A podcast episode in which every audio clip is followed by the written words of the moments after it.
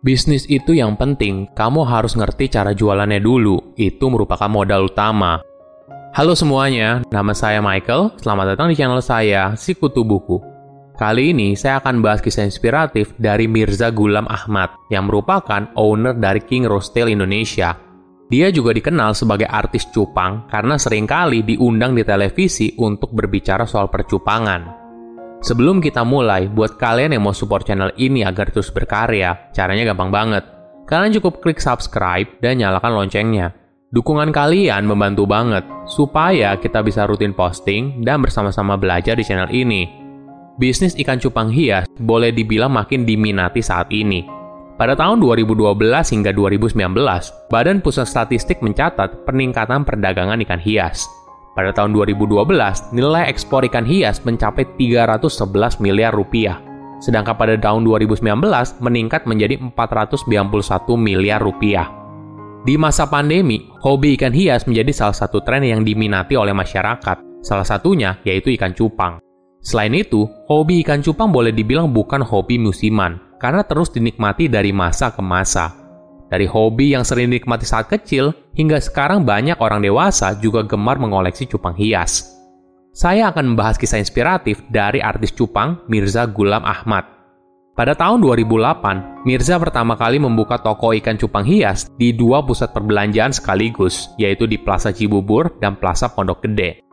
Ini bukan usaha pertamanya. Sebelumnya, Mirza juga pernah berbisnis macam-macam, mulai dari pisang coklat, ketupat, jamu, mainan anak-anak, dan sebagainya. Namun sayangnya, menurut Mirza, bisnis seperti itu walaupun uangnya lumayan, tapi hampir semua merupakan bisnis musiman.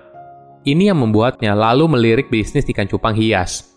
Bagi Mirza, kunci kesuksesannya adalah kerja keras. Mungkin ini terdengar klise, tapi ini benar adanya. Waktu awal ingin membuka toko ikan cupang hias, dia mengumpulkan dana sebesar 10 juta rupiah. Uang tersebut berasal dari meminjam Rp50.000 kepada seluruh adik kelasnya di sekolah.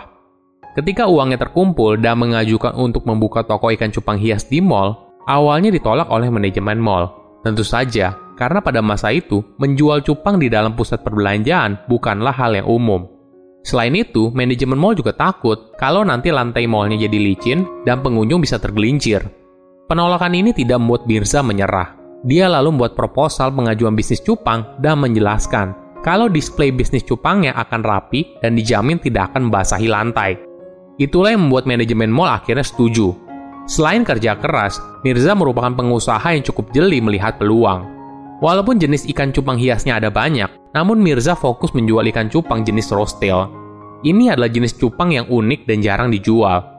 Ikan cupang jenis roastel merupakan jenis ikan yang boleh dibilang cacat atau reject dari jenis half moon. Walaupun begitu, ikan cupang ini punya keindahannya tersendiri, hingga akhirnya terkenal dengan nama King Roastel hingga sekarang. Bukan hanya fokus ke pasar domestik, ternyata Mirza juga berhasil menembus pasar ekspor. Pertama kali Mirza berjualan ekspor cupang saat dia melihat ada orang di Facebook yang punya peternakan besar cupang hias, namun tidak menawarkan cupang tersebut.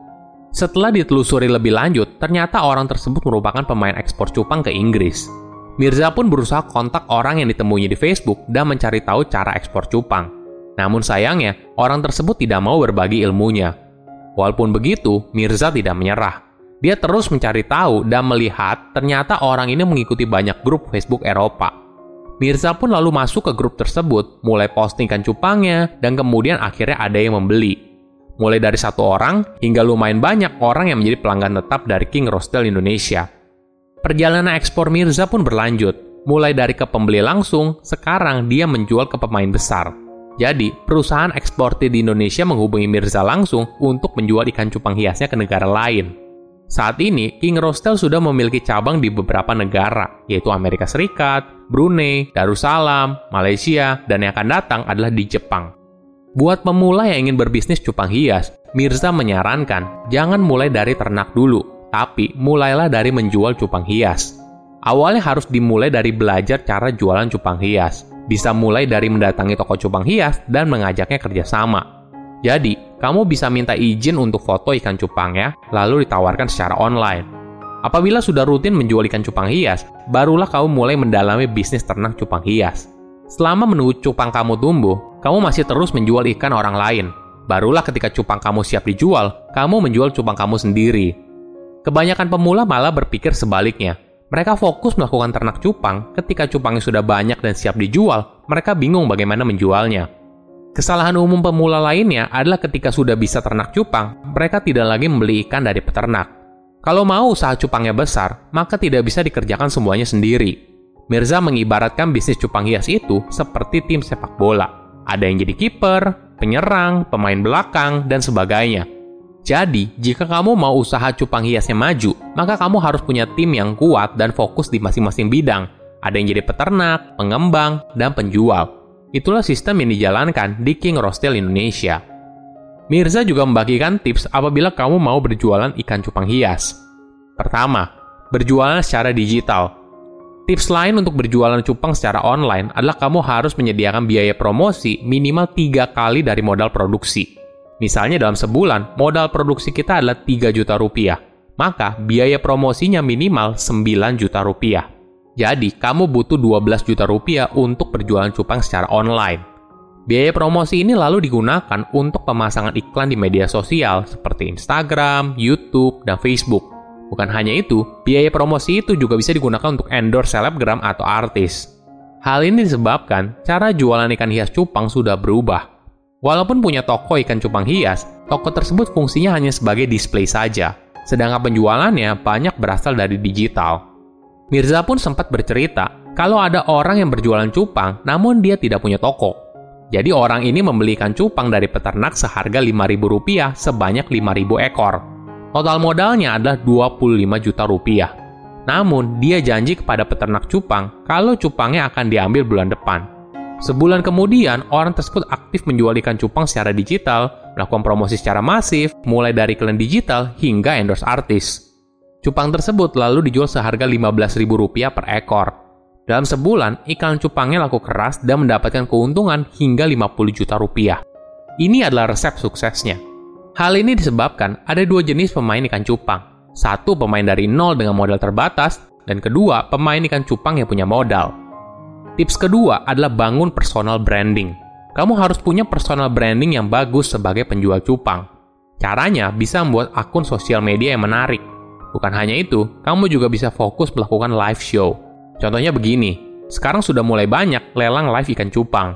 Nah, kamu bisa melakukan hal ini agar makin banyak orang yang kenal kalau kamu adalah pedagang ikan cupang. Fokusnya adalah jualan dulu. Nantinya pasti akan banyak orang yang menawarkan ikan cupangnya untuk kamu jual. Mirza membagikan pengalamannya. Sekarang, dia tidak mencari pembeli lagi karena banyak orang yang sering menanyakan langsung kepada Mirza soal ikan cupang. Selain itu, para peternak ikan cupang juga meminta dia untuk membantu menjual ikan cupangnya. Bisnis itu bukan cuma keren-kerenan saja, kadang bisnis yang kelihatannya sederhana, namun ternyata peluangnya sangat menjanjikan. Yang paling penting, kamu harus bisa menjualnya. Silahkan komen di kolom komentar pelajaran apa yang kalian dapat ketika tahu informasi ini. Selain itu, komen juga, mau tahu informasi apa lagi yang saya review di video berikutnya. Saya undur diri, jangan lupa subscribe channel YouTube Sikutu Buku. Bye-bye.